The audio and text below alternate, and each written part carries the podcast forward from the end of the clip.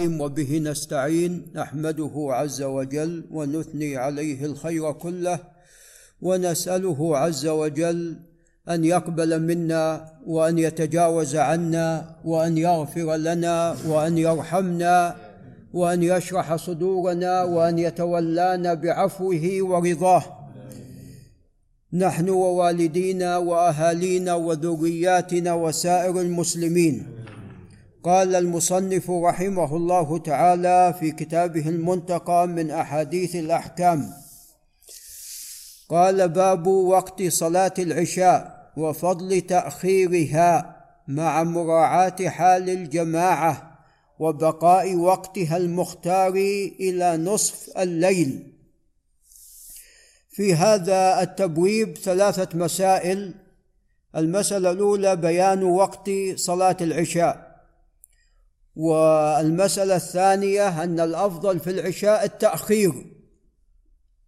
والمسألة الثالثة أنه ينبغي مراعاة الجماعة لئلا يشق عليهم بهذا التأخير فإذا كان لا يشق عليهم فالأولى التأخير. وأما إذا كان يشق عليهم فينبغي ألا تؤخر هذه الصلاة. قال عن ابن عمر رضي الله عنهما أن النبي صلى الله عليه وسلم قال الشفق الحمرة. فإذا غاب الشفق وجبت الصلاة. عندما تغاب الشمس يدخل وقت المغرب. فتبدأ الحمرة تزداد. يعني عفوا تبدأ الحمرة. اولا كان هناك اصفرار الشمس. إذا غابت الشمس تبقى الحمرة في السماء. إلى أن تغيب الحمرة يكون وقت العشاء ماذا؟ دخل. نعم يكون وقت العشاء قد دخل.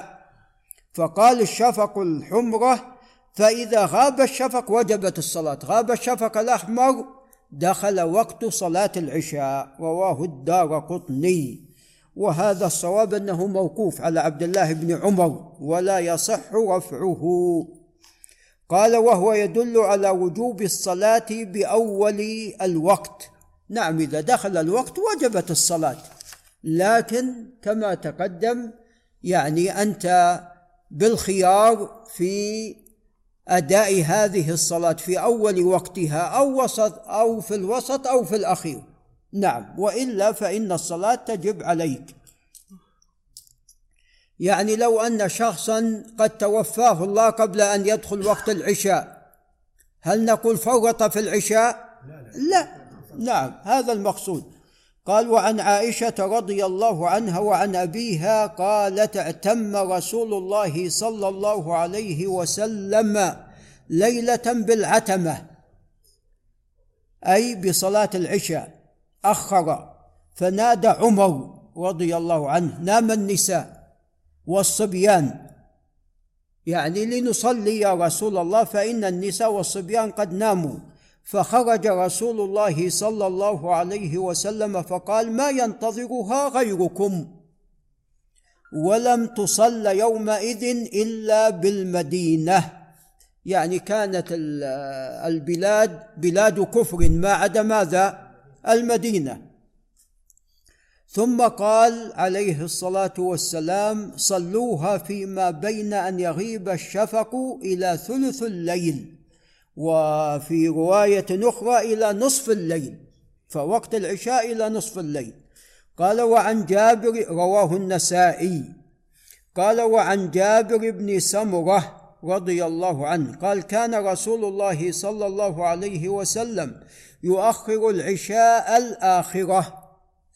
رواه أحمد ومسلم والنسائي. فالأفضل في العشاء التأخير بخلاف الفجر والعصر والمغرب فإن الأفضل فيها التقديم.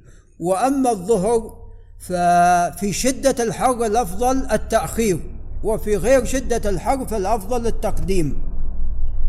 قال وعن عائشة رضي الله عنها وعن أبيها قالت كانوا يصلون العتمة أي العشاء فيما بين أن يغيب الشفق إلى ثلث الليل الأول أخرجه البخاري. نعم.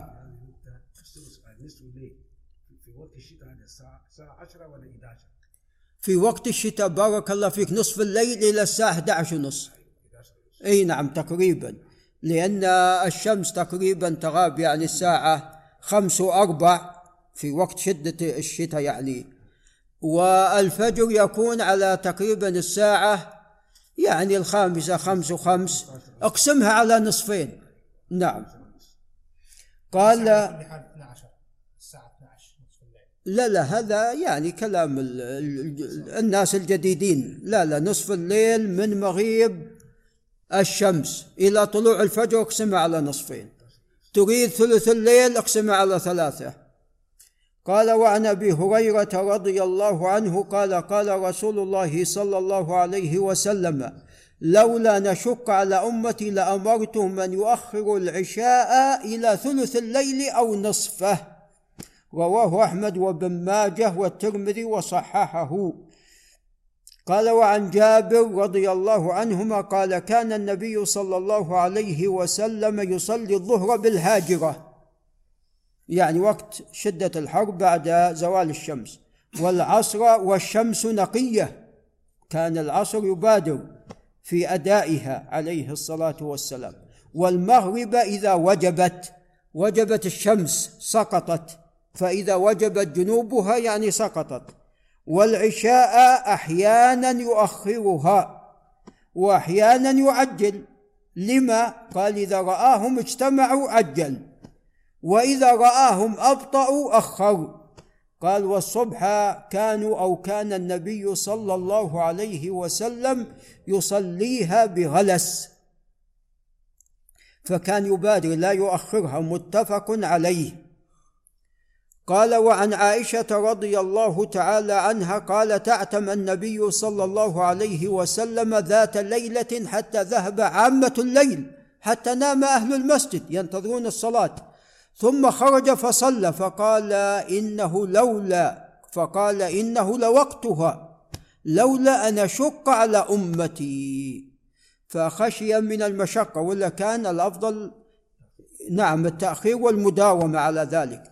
قال رواه مسلم والنسائي وعن أنس رضي الله عنه قال أخر النبي صلى الله عليه وسلم صلاة العشاء إلى نصف الليل ثم صلى ثم قال قد صلى الناس وناموا أما إنكم في صلاة ما انتظرتموها. إذا كان الإنسان ينتظر الصلاة يعتبر في في صلاة.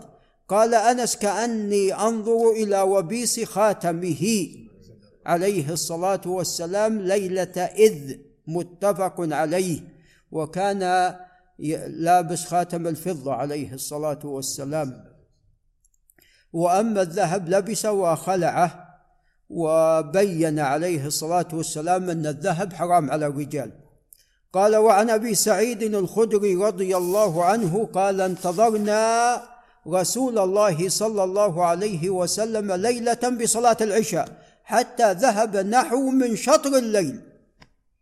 حتى ذهب نحو من شطر الليل قال فجاء فصلى بنا ثم قال خذوا مقاعدكم اجلسوا في أماكنكم فإن الناس قد أخذوا مضاجعهم. الناس الآن ناموا أخذوا المضاجع في الفرش وإنكم لم تزالوا في صلاة منذ انتظرتموها ولولا ضعف الضعيف وسقم السقيم وحاجة ذي الحاجة لأخرت هذه الصلاة إلى شطر الليل رواه أحمد وأبو داود. قلت أي المصنف يقول قد ثبت تأخيرها إلى شطر الليل عنه عليه الصلاة والسلام فعلا وقولا وهو مثبت زيادة على أخبار ثلث الليل والأخذ بالزائد أولى فالأفضل تأخيرها إلى نصف الليل ما لم يشق على الناس. هذا وبالله تعالى التوفيق.